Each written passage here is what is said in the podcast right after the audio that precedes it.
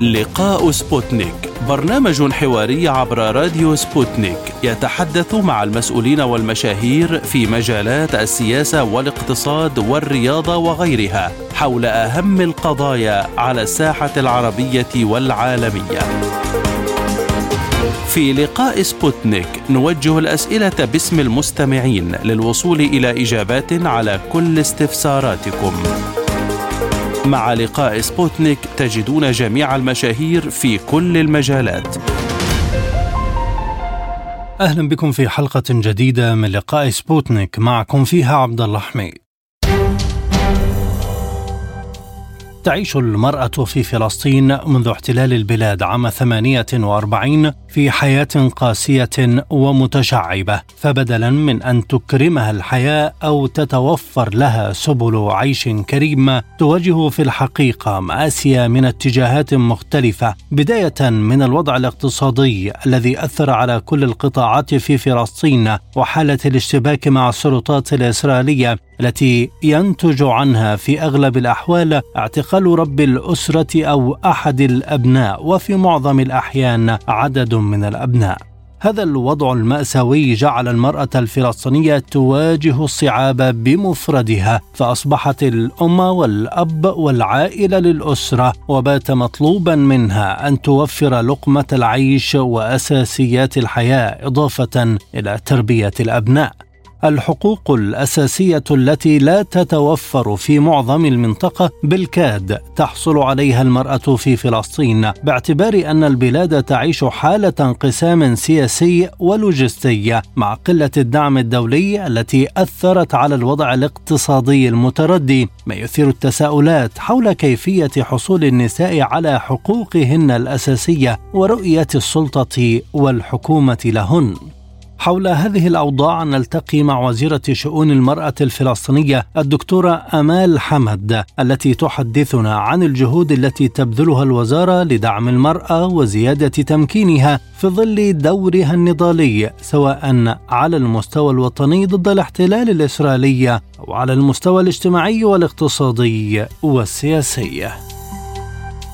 دكتورة يعني وسط الاحتفاء بيومها العالمي خلال شهر أكتوبر حديثنا عن رمزية هذا اليوم بالنسبة للمرأة ومدى تجسيده لنضالها.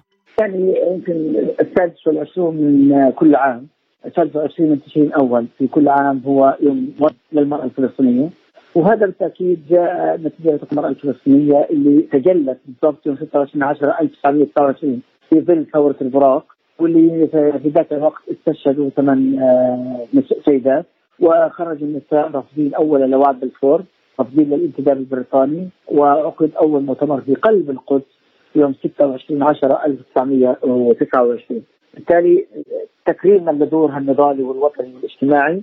وعقد أول مؤتمر وشاهدات اللي سقطوا آه، تأتي حكومة دولة فلسطين أن تقرر أن يكون هناك يوم وطني خاص مع الفلسطينيين لكن النضال بدأ في هذا القرن واستمر إلى هذا اليوم وما زال عملية النضال الوطني ما زالت مستمرة.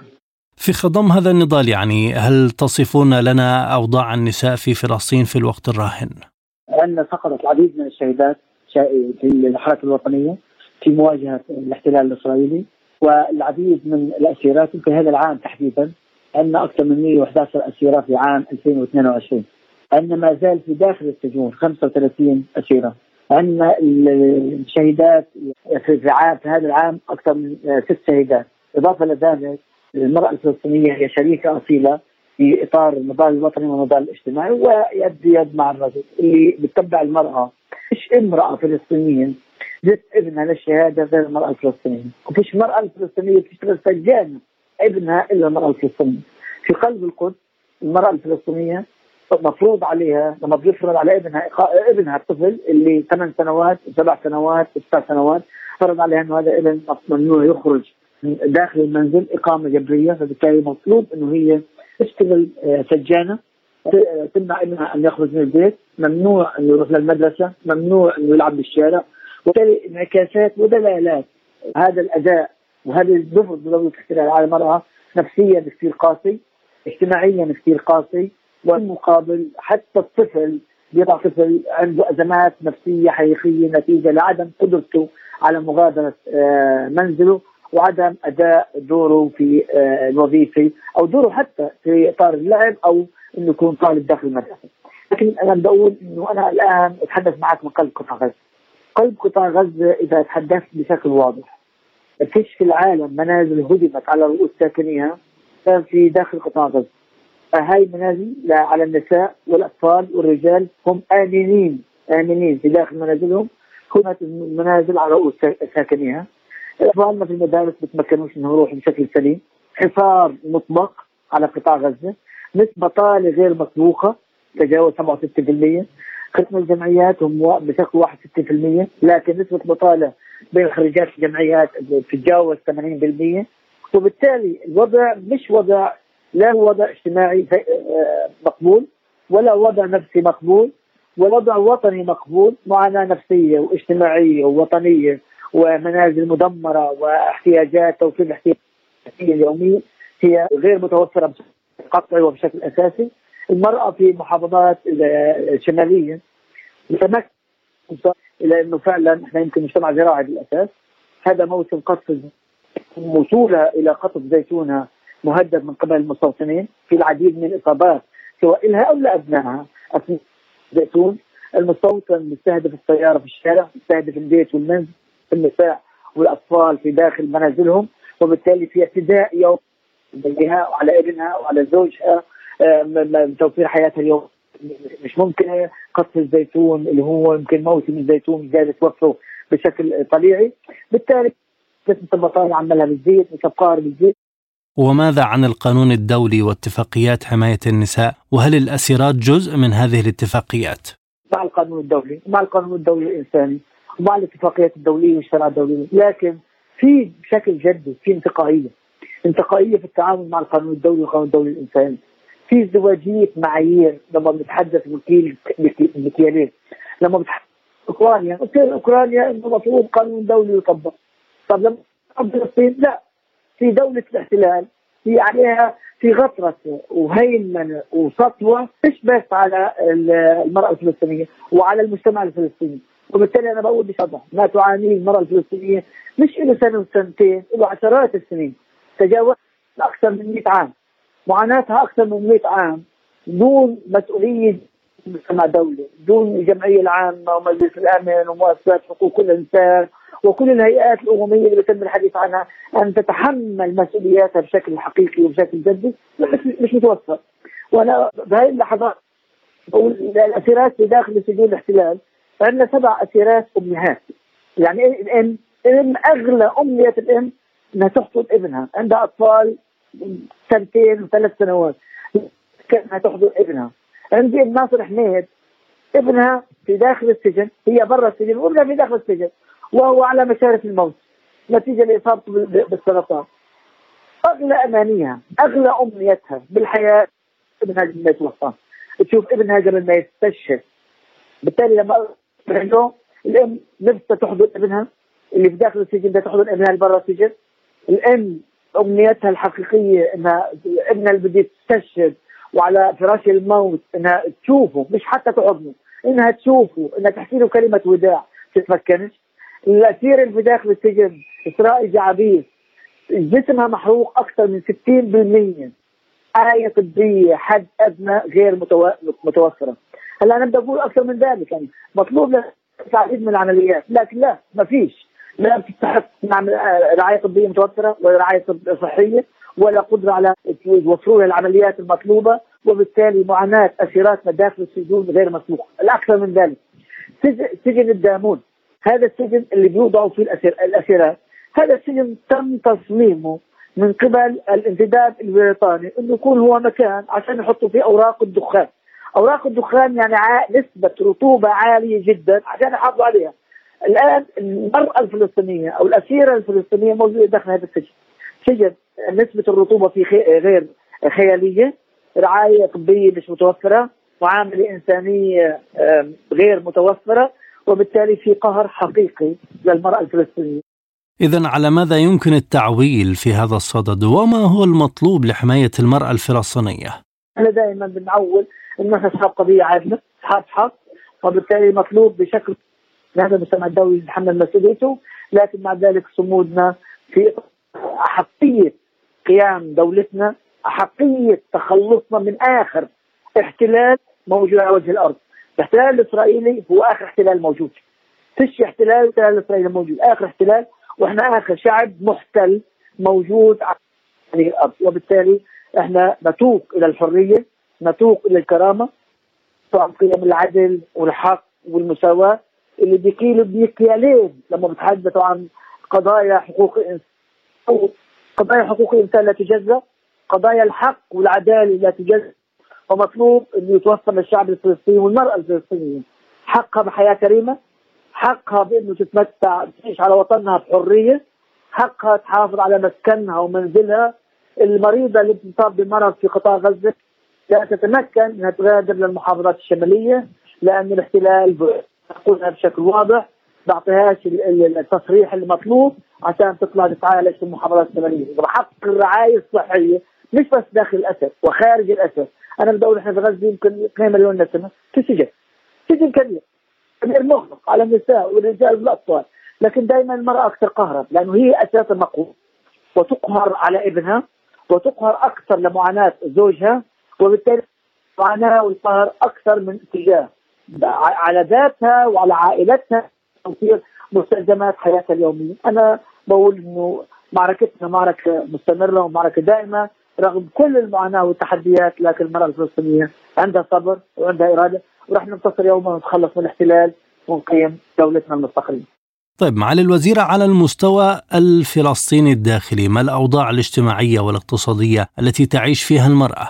بتحدث عن الأوضاع الاقتصادية هي كما تحدثت غاية التعقيد آه، فقر مطبق واحتياجات حياتية يومية وابنائنا برادوا ونسائنا في عرض البحار وبيستشهدوا عشان يبحثوا عن حياة كريمة ولقمة كريمة.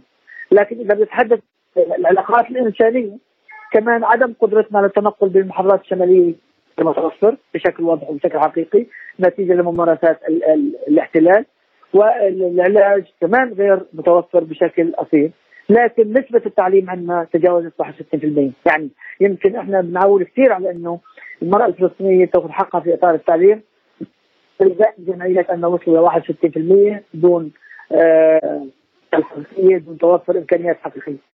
وعلى ماذا عملت آه، الدولة لدعم حقوق المرأة الفلسطينية وحمايتها؟ الدولة الآن تحاول تعمل على أنه آه، توفر بعض الحقوق الاجتماعية الحقوق الاجتماعيه في إطار النضال الاجتماعي، يعني المرأة الفلسطينيه اليوم بتناضلش في اتجاه واحد، لا بتناضل اجتماعيا وديمقراطيا وبتناضل وطنيا، وطنيا قوة الاحتلال الإسرائيلي وقيام الدولة بالتخلص من الاحتلال على آه، حقوق الشعب الفلسطيني كامل. اجتماعيا بتناضل في إطار منظومه التشريعات والقوانين. ما هي هذه التشريعات أو القوانين معالي الوزيرة وهل تحافظ على حقوق المرأة؟ نحن للأسف توارثنا مجموعة متكاملة من التشريعات والقوانين، عندنا منها تشريعات عندنا تشريعات لغاية اليوم آه، بريطانية، عندنا تشريعات أردنية، عندنا تشريعات مصرية، وعندنا أوامر نتيجة لعدم فعالية المجلس التشريعي و آه، آه، للأسف الشديد نتيجة للانقسام الآن نسعى جاهدين لإصدار بعض التشريعات بقرار بقانون من قبل السيد الرئيس. يعني إصدرنا مجموعة من القرارات اللي ممكن تعطي للمرأة جزء من حقوقها في إطار قيم العدالة الاجتماعية والمساواة في إطار نضالها الديمقراطي التعددي في إطار مشاركتها بالأحزاب السياسية وعشان هيك يمكن نسبة تمثيلها سواء بقانون الانتخابات العامة اللي تم إقراره مؤخرا وصلت ل 25% في البرلمان والمجلس المركزي آه، وصلت إلى حوالي 26% الانتخابات المحلية اللي صارت مؤخرا في المجالس البلدية اللي حصلت المحافظات الشمالية وصلت ل 20 21% وبالتالي في تطور إيه؟ سواء في المشاركة السياسية ودورها ووجودها أو في الوضع حتى واضح. لكن في بعض القضايا اللي لها علاقة في إلى حد ما في بعض الحقوق لغاية اللحظة الاجتماعية غير متوفرة. ثم تحدث عن قانون العقوبات، أنا عندي قانون العقوبات موروث من المحافظات الشمالية وقانون عقوبات اردني أكثر 60 في المحافظات الجنوبية قانون بريطاني 1900 عملنا على بعض التعديلات اللي خاصة بالقتل على خلفيه الشرف. وتم مواد قرار بقانون لبعض المواد من قبل السيد الرئيس. عندي قانون اللي متأمل إنه فعلا نذهب تجاه اخراج قانون أحوال شخصية يعزز قيم العداله والمساواه، المحافظات الشمالية عندي قانون أردني 1976 المحافظات الجنوبية عندي قانون مصري 1954 الآن في جدي بفكر كيف نطلع قانون فلسطين. لأن هي قوانين سيادية. قانون العقوبات وقانون الأحوال الشخصية. هي قوانين سيادية خاصة بالنساء. ذهبنا تجاه بعض التعديلات يمكن زي تعديل قانون آه، سن الزواج اللي وصلنا ل 18 زي النفقه واللي فعلا الآن في صندوق للنفقة. زي سن الحضانة بنخير لسن 12 وبعدين بنخير الطفل أو الطفلة. لا فتح حسابات بنكية الأم تقدر تفتح حسابات بنكية. حكينا عن إنه المرأة بتقدر تعطي زوجها وأبنائها آه، جنسية. وهذا يعتبر تطور نوعي بأنه هي تتمكن تعطي زوجها وأبنائها الجنسيه كمان اضيف لذلك في إطار الحقوق الاقتصادية اللي بتشتغل في القطاع العام. إنه مفترض إنه كانت إجازتها الأمومة 70 يوم. مؤخرا تم رفع إجازة الأمومة من 70 إلى 90 يوم. أعطينا الأب إجازة أبوة ثلاث أيام مدفوعة الأجر. أعطينا كمان الأم من أجل اضافه لذلك من أجل رعاية ابنائها سنة ممكن تكون بدون راتب لكن هي مدفوعة في استحقاقات التقاعد. بالتالي المرأة بتحاول إحنا بنحاول في الحكومة بعض الحقوق الاجتماعية اللي على الأقل بتحقق إنجازاتها في إطار تعزيز قيم العدالة والمساواة. أقرينا قانون الطفل. اللي انسجم بالكامل مع اتفاقية حقوق الطفل واللي يمكن هذا القانون نقله نوعية تجاه آه، حقوق طفلنا الفلسطيني في إطار آه، إيجاد بعض المؤسسات اللي بتشكل رعاية جدية وحقيقية.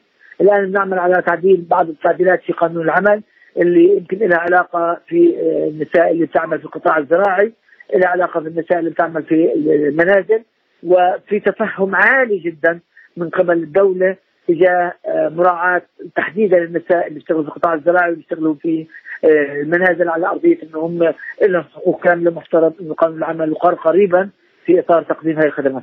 طيب من القضايا المهمة التي تخص المرأة الميراث، أين وصلت الحكومة في هذا الإطار؟ أنا بدي أقول كل المجتمعات العربية هي مجتمعات آه، ذكورية في تطور حسب مجموعه من التشريعات اللي صارت بين دولة وأخرى، تفاوت، دوله تفاوت من دولة وأخرى، في تفاوت كمان في آه، آه، نسب المشاركة بين دولة وأخرى لكن المجتمعات العربية والأوروبية ذكوريه أنا جاي من مؤتمر في أسبانيا. أه بدي أحكي لك بس عن عن رقمين أنا حكيتهم هناك. نسبة العنف كانت في أسبانيا في عام في الأوروبي.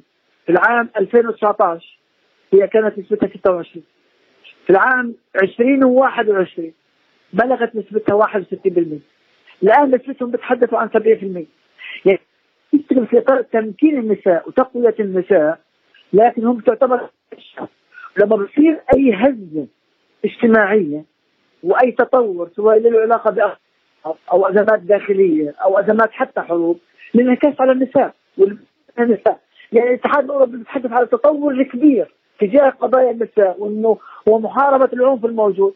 الهزة البسيطة اللي اجت نتيجة لكورونا بقت نسبة العنف واحد من أربعة، اليوم نسبة العنف ثلاثة من أربعة، وهذا بدل انه في مجتمعات ذكورية ما زالت متأصلة سواء بالدول العربية أو موجودة بالدول الأجنبية، والمطلوب محاربتها بشكل واضح إنه تمكين وتصليب وتقوية النساء على أرضية المساواة الكاملة بينها وبين الرجل. وعلى أرضية إنه يوم ما بتاخذ حقوق هاي الحقوق لازم نحافظ عليها. نرجع لموضوع الميراث، هلا موضوع الميراث إحنا ما كانش في عندنا قانون. وإحنا لأنه نسبة النساء اللي بتحصل على الميراث نسبه محدودة. والميراث هو بوابة حقيقية لإطار التمكين الاقتصادي والاستقلال الاقتصادي. وأنا بقول التمكين الاقتصادي هو بوابة لتمكين سياسي تمكين اجتماعي. إذا مكنا المرأة اقتصاديا فبالتالي إحنا سياسيا واجتماعيا راح تكون المرأة حاضرة والمرأة قوية. إذا استقلت اقتصاديا بعدين تقدر تدافع عن حقوقها بجداره إحنا عملنا في الحكومة على آه، قانون الميراث وقانون الميراث زي ما تحدثت ما عندناش برلمان يقره إحنا بالحكومة عرضناه قراءه أولى وثانية وثالثة ورابعة. والآن تم تحويله للسيد الرئيس بانتظار التوقيع النهائي عليه من قبل السيد الرئيس من أجل إنه النساء تأخذ حقوقها بالميراث. ما هي بنود هذا القانون ومتى يتم إقراره؟ هو بيتحدث عن الحقوق اللي واردة تحديدا بالشرع. يعني ما أقرينا حقوق جديدة لكن بيتحدث عن إجراءات وآليات وضوابط تضمن تنفيذ هذا الحق سواء إجراءات عقابية أو إجراءات في إطار المصالحة اللي ممكن تتم. لكن هي بتكون الدولة تتحمل مسؤولية تنفيذ هذا القرار. وبالتالي المرأة اللي لها حق بنسب معينة. مفترض إنه الدولة تساهم إنه تحصل على حق بعد إقرار هذا القانون وإنه ممكن يصير في استقلال اقتصادي يمكن النساء على أرضية حصولها الكامل على حقها في الميراث بانتظار توقيع السيد الرئيس وأنا بتصور إن شاء الله قريبا ممكن هذا القانون يتم توقيع عليه لأنه صدر وخرج من مجلس الوزراء بثلاث قراءات والعرض النهائي. وهل تخلق هذه الخطوة استفادة للمواطنات الفلسطينيات؟ آه هذا ممكن يعطي أريحية لأن نحن مجتمع زراعي النساء الآن في تسوية في الضفة الغربية بتصير وفي آه معاد زراعه الأراضي اللي من قبل الاحتلال آه سواء في المحافظات الشمالية أو المحافظات الجنوبية وهذا ممكن يعطي النساء أكثر قوة وأكثر آه استقلالية. طيب في ظل حالات الاعتقال آه، المستمرة للفلسطينيين هل من إجراءات تتخذها السلطة والحكومة لتمكين المرأة على المستوى الاقتصادي حتى يعني توفر قوت يومها مع غياب رب الأسرة نتيجة الاعتقال أو الاستشهاد؟ هنا بنقول إنه في عندنا 12% 12% من الاسر ترأسها النساء هذا أحيانا آه، بتطلب منا إجراءات جدية لحماية هاي الاسر جاءت في ثلاث سياقات، السياق الأول من وزاره التنمية بشكل واضح إنه تتحمل كثير يعني الحد الادنى من المستلزمات الحياة اليومية اللي مطلوب بإمكانيات بسيطة لا ترتقي إلى المطلوب عشان نكون واضح. الشغله الثانية لما التعليم للأبناء نحاول إنه الأبناء يتعلموا مجانا يعني تكاليف تعليم هؤلاء بالمجان. الثالثة مؤخرا عن بعض المشاريع المشاريع الصغيرة اللي هذه ممكن تشكل رديف أساسي في إطار إنه إذا مكنا النساء ومشروعها نجح بشكل حقيقي ممكن يكون إعادة كاملة للأسرة. والآن في توجه جدي انه العديد من يحصل على مشاريع صغيرة المشاريع باختلاف احتياجاتها وقدراتها حسب احتياجاتها وقدراتها اللي آه تعمل عليها وأنا بتصور إنه في كثير من التجارب الناجحة من قبل العديد من النساء اللي حصلت على مشاريع صغيرة، نحن ذهبنا اتجاه قانون الشركات إنه هذه المشاريع الصغيرة كيف ممكن نرخصها؟ إذا تم ترخيصها بشكل واضح وتمكينها هلا تمكينها يعني إيه؟ مش بس المال، أنت لما بتعطيها مشروع صغير مطلوب تعلم المرأة على كيف تدير هذا المشروع، مطلوب نفكر إنه أو نسأل معها في ترتيب تدريبها وتأهيلها على إنه كيف ال product أو الناتج تبع هذا المشروع يكون ناتج سهل ترويجه وتسويقه كيف يكون التبكيت والتغليف وبعدين ال marketing وتسويق لهذا المشروع سواء الأونلاين أو تسويقه بشكله المحلي أو الإقليمي. بالتالي هذا هو جزء من البوابات في إطار وزارة العمل وزارة التنمية الاجتماعية ومع وزارة الاقتصاد اللي هم الشركاء الثلاثة. وهل من مشكلات تواجه الحكومة في عمل المرأة أو لدعم عملها وتطويره بما أنكم يعني تدعمون بما هو متاح آه، المشاريع الصغرى؟ عندنا كمان مشكلة إحنا بنواجهها وبنخجلش منها. أن نسبة النساء ارتفاع نسب البطالة أن نسبة النساء اللي بتشتغل أحيانا في المستوطنات. وشغل النساء في المستوطنات له ارتدادات الاجتماعية والاقتصادية وله آثار حقيقية على المرأة وعلى الأسرة وعلى البيت. لأنه نفسيا غير مقبول اجتماعيا كمان غير مقبول للمجتمع الفلسطيني. لكن أحيانا نتيجة للاحتياج المرتفع العالي للأسرة إنه بعض النساء تتوجه إنها تحصل على فرص عمل في المستوطنات، شكلنا لجنه وزاريه لجنه وزاريه من أجل معالجة هذا الموضوع. من رأسها آه، منسقها وزير العمل فيها وزيره المراه، وزيره التنمية، وزير الزراعة، وزير الحكم. على أرضية إنه كيف نشوف خارطة الطريق رود ماب ان هذول يشتغلوا في داخل المستوطنات سواء اللي بيشتغلوا في الأغوار أو بيشتغلوا في آه، أريحة أو في مناطق مختلفة كيف نبحث عن البدائل اللي فيها استمرارية وديمومة اللي ممكن النساء تشتغل. من خلال توفير بعض فرص العمل توفير بعض المشاريع المدره ويمكن إحنا كمان كحكومة في عندنا تحدي. والتحدي الاكيد إنه إمكانياتنا المالية محدودة. يعني بديش احكي كثير عن الوضع المالي لأنه بتعرف كلكم تدركوا إنه في قرصنة جدية لاموالنا من قبل الاحتلال الاسرائيلي وفي بعد الحرب الأخيرة أو في الأوضاع الأخيرة إنه الاتحاد الأوروبي بدأ ضد السلطة الفلسطينية ببعض الأموال وبعض المساعدات هذا كمان أصبح غير موجود وبالتالي كمان الحكومة بتخش في تحدي لكن مع ذلك بنحاول نوجد بعض الحلول اللي تمكن النساء اقتصاديا وتبحث عن فرص عمل. وأنا بقول أكثر من ذلك كمان في كورونا تزايدت نسبه النساء ونسبه عدد كثير من النساء خرجوا من سوق العمل. نتيجة لأنه كثير من المشاريع الاقتصادية اللي بيشتغلوا عليها القطاع الخاص هاي المشاريع الاقتصادية إنه تراجعت بشكل واضح لأنه فيش فرص عمل. كان في سوق العمل 19% اليوم نسبة النساء في سوق العمل 17% يعني في تراجع لوجود النساء في سوق العمل وخروجهم من سوق العمل. كمان متطلب أساسي ومهم جديد الدولة كيف هدول النساء سواء تعالج مع القطاع الخاص أو تعالج هي باليات آه، مختلفة مطلوب أن نفكر فيها. أكثر من ذلك كمان النساء بتشتغل في الخدمات وفي رياض الأطفال. إحنا عندنا الحد الادنى للاجور 1800 1480 شيكل في حوالي 40% منهم بياخذوا أقل من الحد الأدنى. طب لما بتحكي عن 40% من النساء اللي بيشتغلوا في رياض الأطفال وقطاع الخدمات بياخذوا أقل من الحد الأدنى للاجور وهذا الدولة أقل من 30% من الحد الأدنى. يعني بمنطق إنه 1480 بياخذوا 400 شيك و500 شيك و600 شيك خريجات جامعيات في مشكلة. في تحدي وفي أزمات جدية موجودة في فلسطين تجاه احتياجات النساء وواقعهم الاقتصادي والاجتماعي. كيف ترون تأثير حالة الانقسام الداخلي المستمرة منذ عدة سنوات على وضع المرأة في البلاد؟ أنا بشكل واضح. أولا يعني إحنا نتمنى إنه هذا الانقسام ينتهي. وإحنا نتمنى ان يكون في وحدة حقيقية لأنه هذا أصبح مطلب. وقت إحنا يمكن كنساء الأكثر تضررا من الانقسام. اولا على صعيد النسيج الاجتماعي. لما النسيج الاجتماعي بتضرب داخل البيت والأسرة أكيد بتدفع ثمنه. هي اللي ربت هذا البيت.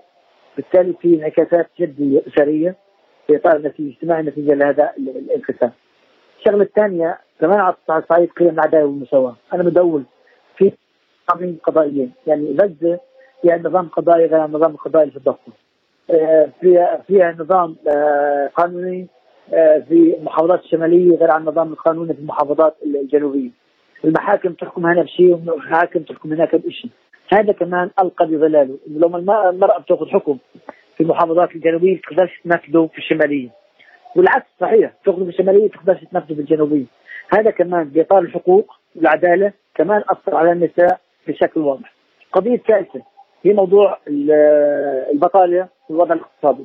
الوضع الاقتصادي يمكن نسبة البطالة هي الأعلى في قطاع غزة وهي يمكن الأعلى في العالم. نتيجة للحصار على قطاع غزة من قبل الاحتلال نتيجة إنه فيش فرص عمل مفتوحة وفيش خيارات مفتوحة. اللي بيشتغلوا يعني بتعرف نسبة محدودة في إطار توفير فرص عمل. أما خريجات الجمعيات 61% في غزة البطالة بين خريجات الجمعيات تصل 86% نسبة البطالة بين النساء بشكل عام إذا ما قرر هي الأعلى حتى بين الشباب هي الأعلى. بالتالي ألقى على الحياة اليوميه المنازل المدمره اليوم في كثير من الأسر لغاية اليوم بتعيش العراق. حرب 2008 و2012 و2014 و2020 و2001 إحنا بنحكي عن حرب واحدة. بالتالي كثير من المنازل دمرت لغاية الآن النساء ما عادتش بتقدر تعيد بناء منازلها ولا توصل مستلزمات اليوم إذا بتفكر في بعض العوائل زمان كنا بنعيش في على تضامن الاجتماعي تضامن بين العوائل بين الاسر إنه الناس وضعها كويس بتساعد بعضها. اليوم الناس صار في قطاع غزة وضعها سيء. بالتالي حتى حتى التضامن الاجتماعي اللي كان موجود سابقا توفير الإمكانيات المطلوبة اللي كانت موجودة سابقا اليوم ما حدثش فخيارنا الوحيد بشكل واضح. للشعب الفلسطيني المرأة المرأة في قطاع غزة انه لا ينتهي الانقسام واحد الصف الفلسطيني وإنه آه على الأقل لما بصير مطالب الشعب الفلسطيني باكملها إنما كانت بظل المرأة هي المرأة والمكان. لكن لا القهر في قطاع غزة الأعلى الاحتياج أعلى البطالة الأعلى والتميز كمان في قطاع غزة. أنا بقول لك في تميز عالي جدا يمكن إحنا دائما بنقول الحاجة إلى الاختراع لكن مع التميز الموجود مع التعليم الموجود للأسف الشديد آه، أبناء قطاع غزة بيخرجوا في عرض البحار وبيستشهدوا في عرض البحار عشان يبحث عن هذه الحياة الكريمة. شكرا جزيلا لك معالي الوزيرة الدكتورة آمال حمد وزيرة شؤون المرأة الفلسطينية شكرا جزيلا لك على هذا اللقاء مستمعينا الكرام نبقى مع المرأة الفلسطينية ولقاء آخر حول أهم مشاكلها ودور المجتمع في مساعدتها. ولكن نذهب إلى فاصل قصير وبعده إلى جولة إخبارية حول العالم. عالم سبوتنيك يغطي جميع الأحداث السياسية والاقتصادية والرياضية حول العالم. على مدار ساعة تتابعون عالم سبوتنيك مع أهم خبراء التحليل السياسي والاقتصادي. نقترب معكم في متابعة دقيقة من القضايا السياسية والاقتصادية، كما نستعرض أهم الأخبار الرياضية والفنية والبيئية. انتظروا عالم سبوتنيك أيام الجمعة والسبت والأحد من كل أسبوع. ملفات ساخنة. برنامج يسلط الضوء على أهم القضايا الحرجة في العالم. في ملفات ساخنة نستعرض القضايا مع جميع الأطراف ومن كل الزوايا لاستجلاء الحقيقة. ملفات ساخنة يستضيف أهم الخبراء وأجرأ الضيوف. تابعوا ملفات ساخنة مع راديو سبوتنيك أيام السبت والثلاثاء والخميس من كل أسبوع.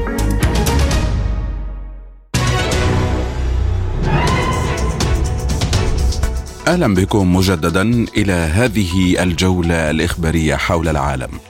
البداية من روسيا. قال وزير الدفاع الروسي سيرجي شويغو إن قوات الناتو بالقرب من حدود روسيا تضاعفت مرتين ونصف المرة منذ فبراير شباط متجاوزة 30 ألف شخص رجح شويغو في أن يعمل حلف شمال الأطلسي على زيادة قواته أكثر من ذلك خلال الفترة المقبلة وقال إن الناتو يعمل على إنشاء نظام دفاعي جماعي واسع النطاق بالقرب من حدود روسيا مشيرا إلى أن الحلف يعتزم المرور من سياسة احتواء روسيا من خلال وجوده على الخطوط الأمامية إلى إنشاء نظام شامل للدفاع الجماعي على الجناح الشرقي قرب الحدود الروسية. واضاف وزير الدفاع الروسي أن الناتو تبنى في نهاية يونيو حزيران الماضي في قمة مدريد مفهوما استراتيجيا جديدا للكتلة العسكرية حيث اعتبر موسكو المصدر الرئيسي للتهديدات الأمنية. أعلن وزير الدفاع التركي خلوصي أكار أن تركيا أبلغت وزير الدفاع الروسي سيرجي شويغو بالموقف الأوكراني من صفقة الحبوب وقال إنه لا توجد مخاوف بشأن أمن الممر. وقال أكار إن أنقرة تلقت ردا مكتوبا من كييف حول شواغل موسكو المرتبطة بتطبيق اتفاقية الحبوب التي أعلنت روسيا تعليقها بعد الاعتداء الإرهابي الأوكراني على سفن البحر الأسود عن طريق المرور البحري الآمن المتفق عليه. وأضاف أنه أجرى محادثات منفصلة مع وزير الدفاع الأوكراني أليكسي ريزنيكوف ووزير البنية التحتية الأوكراني ألكسندر كوبراكوف وأكد أكار أن وزيري الدفاع والبنية التحتية الأوكرانيين أكدا إمكانية تبديد قلق روسيا مشيرا إلى أن ناقلة البضائع التي ترفع علم تركيا ستواصل تصدير المنتجات الزراعية من أوكرانيا عبر الممر الآمن المتفق عليه من خلال اتفاقية الحبوب. أحبطت قوات الأمن الفيدرالي الروسي عملية تخريب كان يخطط جهاز الأمن الخاص الأوكراني للقيام بها في منشأة البنية التحتية للطاقة في شبه جزيرة القرم. وتم اعتقال مواطن أوكراني من مواليد عام 1978 جندته إدارة أمن الدولة. وأضاف أنه تمت مصادرة ثلاث عبوات شديدة الانفجار وتعليمات لاستخدامها ومخطط موقع أبراج نقل الطاقة بإحدى مناطق القرم. وبدأت السلطات التحقيق في القضاء القضية بموجب المادتين التحضير للتخريب والتداول غير المشروع للمتفجرات من القانون الجنائي الروسي. أظهرت عملية فرز غالبية أصوات الناخبين في انتخابات الكنيست الإسرائيلي حصول كتلة زعيم حزب الليكود بنيامين نتنياهو على 65 مقعدا من أصل 120 وحسب نتائج شبه نهائية فإن حزب الليكود حصل على 31 مقعدا وفي المجمل حصل تكتل نتنياهو على 65 مقعدا. بينما كتلة رئيس الوزراء المنتهية ولايته يائير لبيد حصلت على خمسين مقعدا في الكنيست. وبحلول الأسبوع المقبل سيتلقى الرئيس الإسرائيلي إسحاق هيرتزوغ النتائج الرسمية والنهائية ويبدأ من بعدها وعلى أساسها بالمشاورات النيابية من أجل تكليف رئيس جديد للحكومة.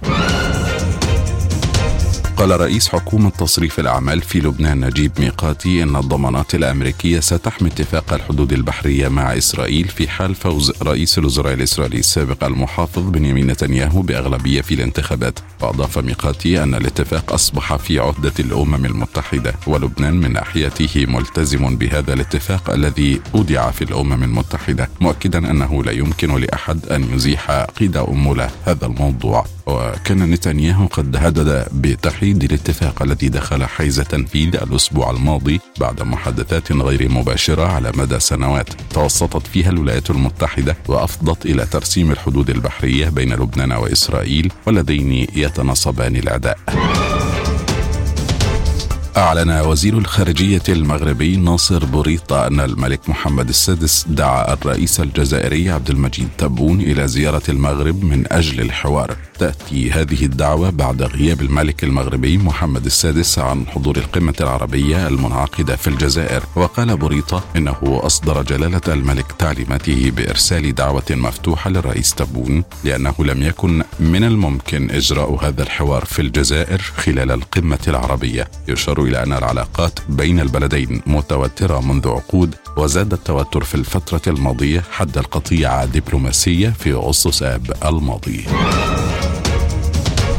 قالت وكالة الأنباء الفلسطينية وفاء إن القوات الإسرائيلية قتلت فلسطينيا على مدخل قرية بيت عور غربية مدينة رام الله. ونقلت الوكالة عن هيئة الشؤون المدنية أن المواطن حابس عبد الحفيظ ريان وعمره 54 عاما من بلدة بيت دقو شمال غربي القدس المحتلة قتل برصاص القوات الإسرائيلية قرب حاجز عسكري مقام على مدخل القرية.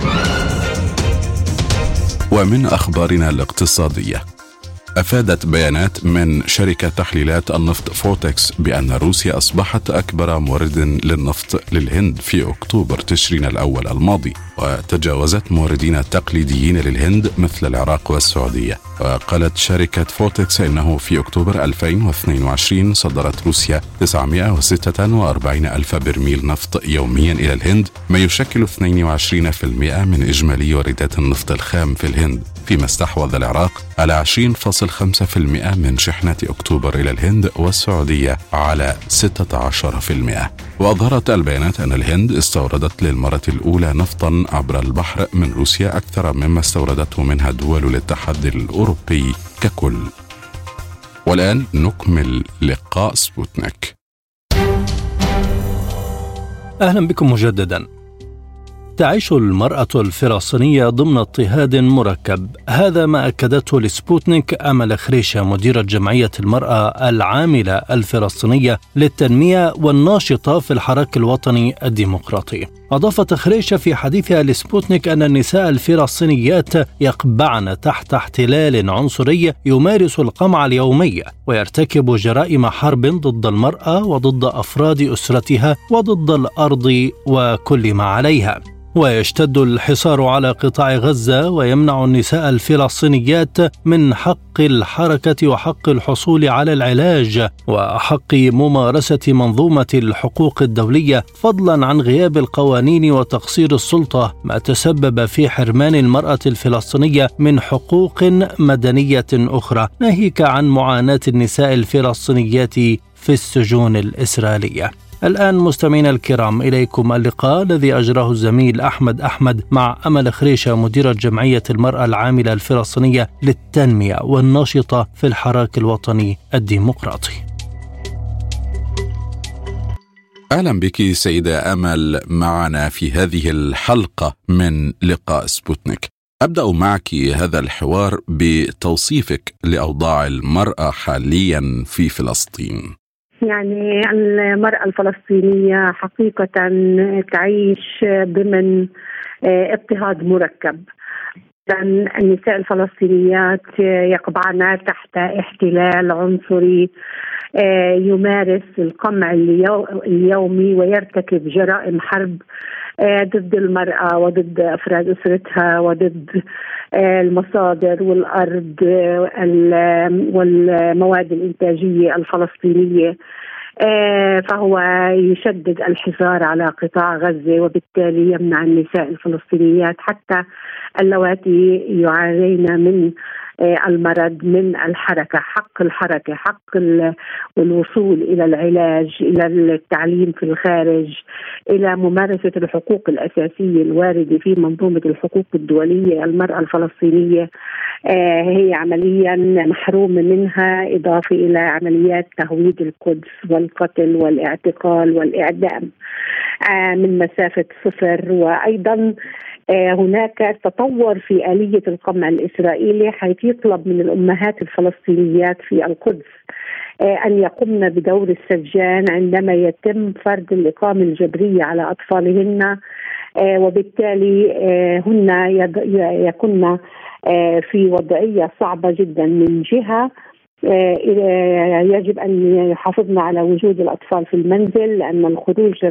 من المنزل يعني السجن يعني التعرض لقمع مباشر. وأيضا آه هذا يخلخل ديناميكية العلاقة الأسرية. الأم آه الفلسطينية والمرأة الفلسطينية سواء كانت عاملة أو سياسية أو آه في أي قطاع فلاحة لاجئة آه، هي تعاني من الاحتلال بشكل مباشر وبشكل غير مباشر عندما يتم استهداف أفراد الأسرة بالاسر بالقتل والافكار ومصادرة الأراضي وغيرها.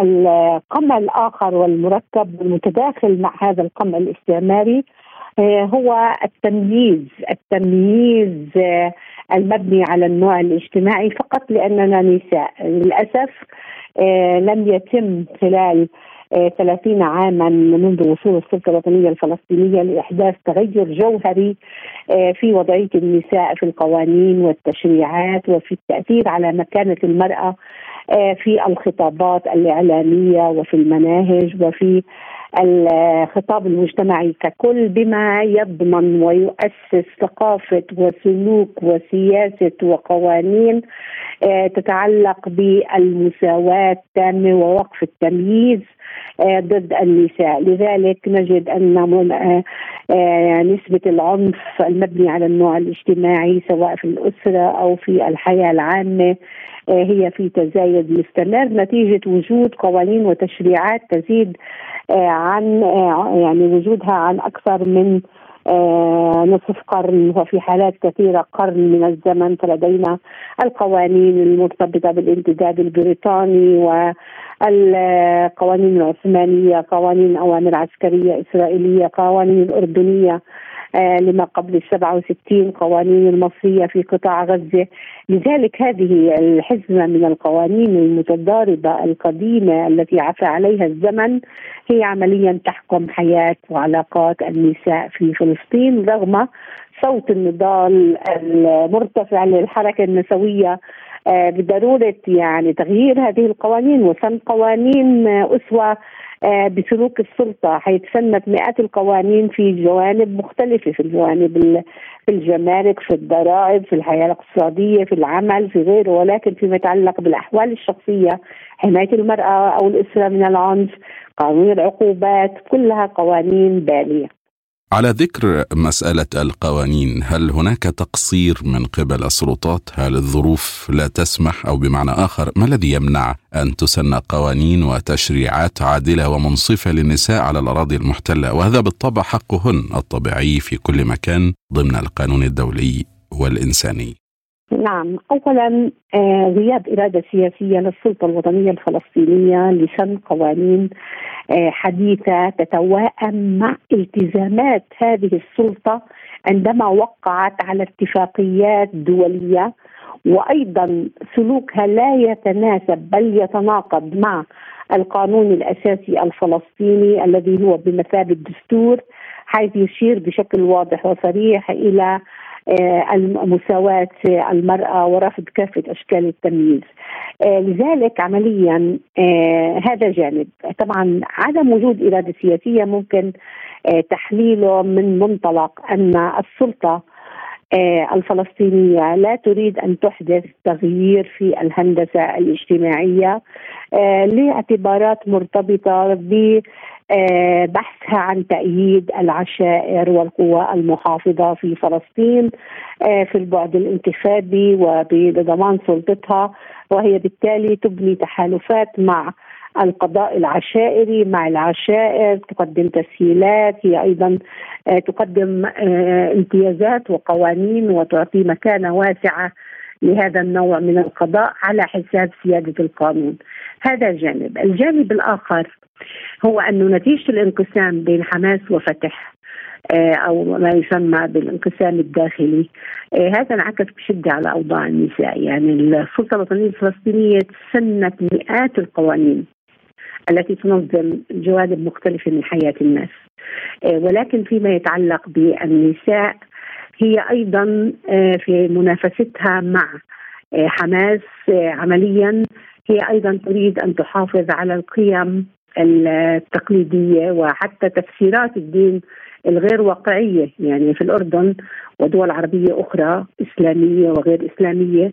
آه، تم الاجتهاد في الدين وتم تقديم آه، مقاربات قانونية آه، يعني متوائمة مع منظومة القانون الدولي لحقوق الإنسان بكل تفصيلاته.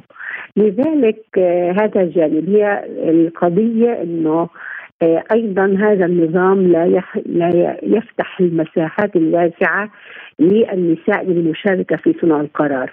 يعني بمعنى انه نسبة النساء في البرلمان أو المجلس التشريعي لم تتجاوز يعني 14% آه، يعني وبالتالي آه، ثقل النساء في مراكز صنع القرار يؤثر بالتالي على آه، الاستماع لقضايا آه، التي تطرحها الحركة النسوية والتي تمثل نصف المجتمع فيما يتعلق بالمساواة في القوانين وتغيير البنى الإدارية في النظام التشريعي وتغيير الثقافة.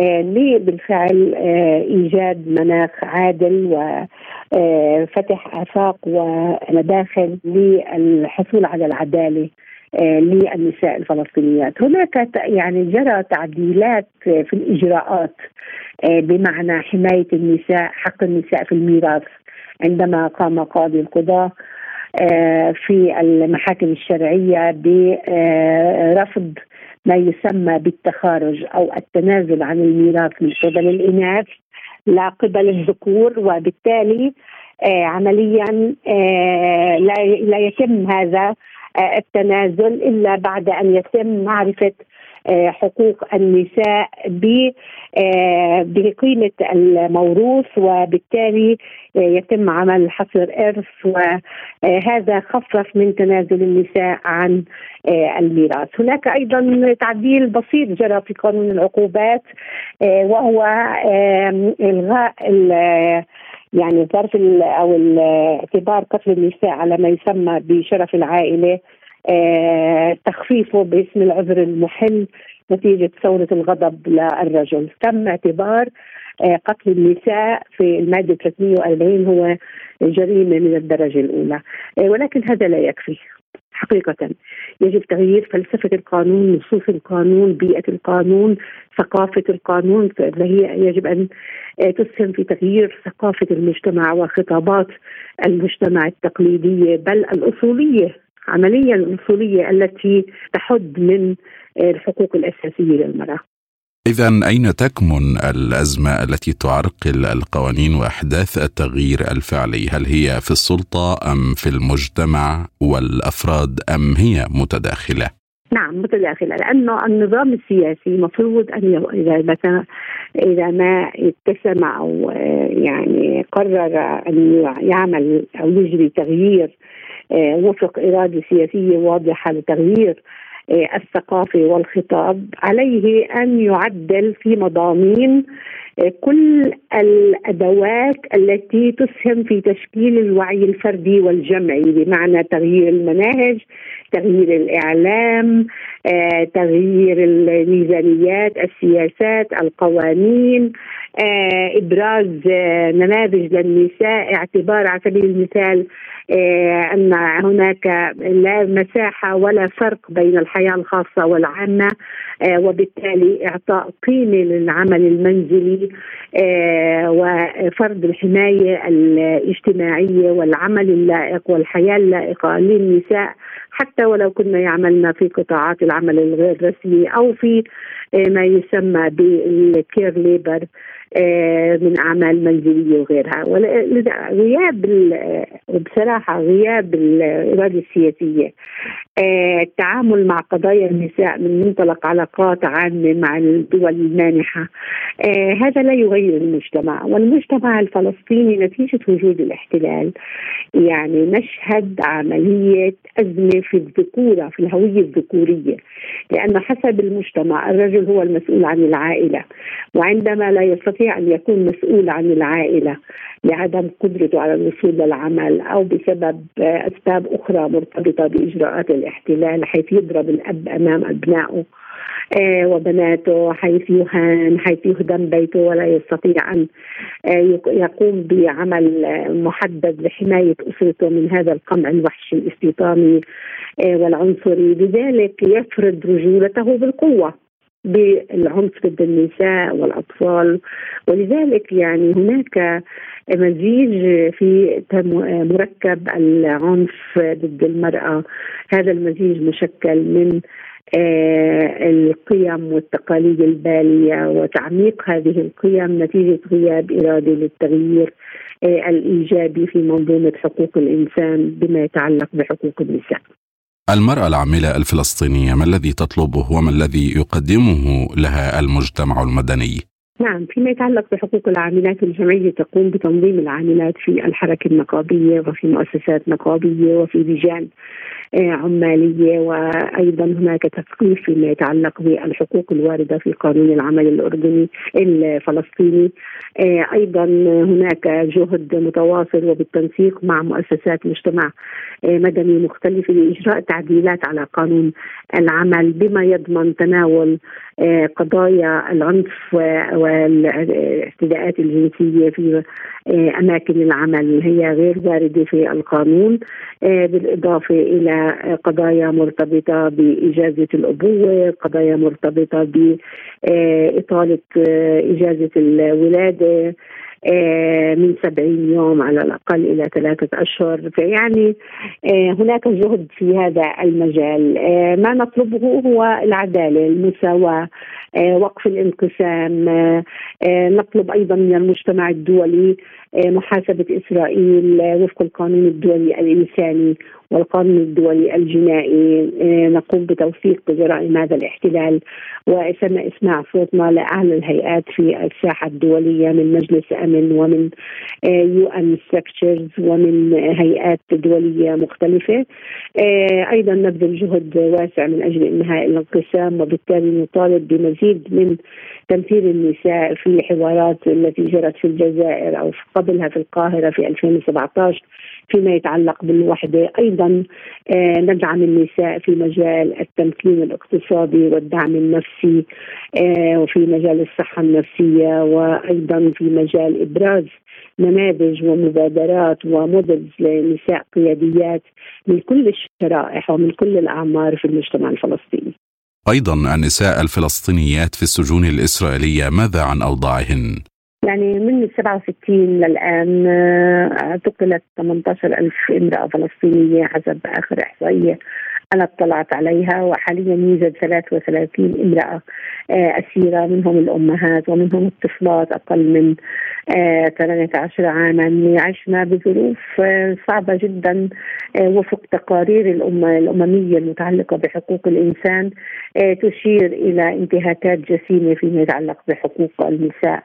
المعتقلات حيث تمنعنا من الزيارة وحيث فرضت عليهن وضع كاميرات بدون احترام أي خصوصية وأحيان كثيرة آه، المرأة الأسيرة تتجنب أن تقول أنها مريضة لأن رحلة الوصول إلى المستشفى رحلة عذاب يوضعنا في قفص آه، يعني زنزانة محدودة المساحة. تكاد لا تتسع لامرأة بوزن 55 كيلو. إضافة إلى الانتظار وإضافة إلى إجراءات تفتيش مقيتة. يعني هناك العديد يعني عندما قدمت منظمة أمنستي تقريرها في هذا العام حول عنصرية هذا الاحتلال هي لجأت لوقائع وحقائق فيما يتعلق بكل حياة الشعب الفلسطيني بما فيه قضايا الأسيرات والأسرى ختاما ما الذي يمكن قوله عن المرأة الفلسطينية الجديدة إذا صح التعبير أو الفلسطينية الشابة التي يتفتح وعيها على كل هذه الأوضاع المعقدة؟ كيف تتعامل مع سائر هذه الظروف؟ وهل تختلف عن أجيال سبقتها؟ نعم بالضرورة طبعا. هناك اختلاف في الأدوات في هناك مزيد من الوعي في مجال الحقوق. هناك حركات راديكالية خارج تشكيلة وتوليفة الفصائل. هناك نساء مبادرات عبرنا عن أنفسهن بتشكيل حركات اجتماعية كحركة طالعات وحركة بنات البلد وحركات مختلفة. أيضا بوجود فتيات مع حركات شبابية مختلطة ضد الاستيطان وضد فرض العقوبات على غزة ومن أجل عدم التهجير في القدس. في الشيخ جراح التهجير القسري هناك مبادرات وإطلالات مهمة وتشكل إضافة نوعية في مسار الحركة النسوية بفعل قوات الشابات هذا يفرض تحدي على الأحزاب السياسية والفصائل بضرورة بالفعل أن تجد آليات وأدوات عمل للتواصل مع هذه الفئات التي تستخدم السوشيال ميديا والإعلام الاجتماعي لعملية التوعية والتحريك والتنظيم وهذا مهم جدا. ولكن وقف الالتباس بين الشابات والشباب عموما مع هذه القوى مهم جدا. لذلك تأتي مبادرة شبابية مع مبادرات لقوى وطنية وسياسية من أجل الضغط لإجراء انتخابات مجلس وطني وإعادة بناء منظمة التحرير وفق مضامين التحرر الوطني لأن كل ما فرضه أوسلو وإرهاصات أوسلو يوميا يتكشف على أنه كانت يعني عمليا ستارا للاحتلال لمواصله جرائمه ومشروعه الصهيوني وبالتالي يجب إعادة المشهد لوضعه الطبيعي أننا شعب يناضل ضد الاحتلال ويناضل من أجل حريته كحركة تحرر وطني وأن كل المعادله المتعلقة بالتنسيق الأمني وبالتعاون هذا تضر القضية وهذا صوت الشباب والشابات في المناطق الفلسطينية وفي في كافة الأماكن ليس فقط في الضفة الغربية وقطاع غزة والقدس وإنما أيضا في كافة أماكن الشتات. وبالتالي هذه مبادرة أممية ل 14 مليون وحاليا في الخامس من هذا الشهر يعني بعد أربعة أيام سيتم عقد مؤتمر المؤتمر الشعبي الفلسطيني 14 مليون. هذه سيكون هناك منصات بالأمريكيتين وفي أوروبا وفي الأردن ولبنان وغزة وفي آه كل مناطق الضفة وللأسف آه السلطة الوطنية الفلسطينية منعت آه حلقة رام الله من عقد المؤتمر في قاعة بلدية رام الله. وهذا طبعا انتهاك صارخ لحقوق الإنسان وأيضا يعني ضربه وصفعة لمبادرات الشباب من أجل إجراء تغيير في إعادة بناء المنظمة والحفاظ على المنظمة كجامعة للشعب الفلسطيني وممثله لكل ال 14 مليون فلسطيني. السيدة أمال خريشة مديرة جمعية المرأة العاملة الفلسطينية للتنمية والناشطة في الحراك الوطني الديمقراطي شكرا جزيلا لك. كنت معنا في لقاء سبوتنيك. لمزيد من المتابعة زوروا موقعنا على الإنترنت اي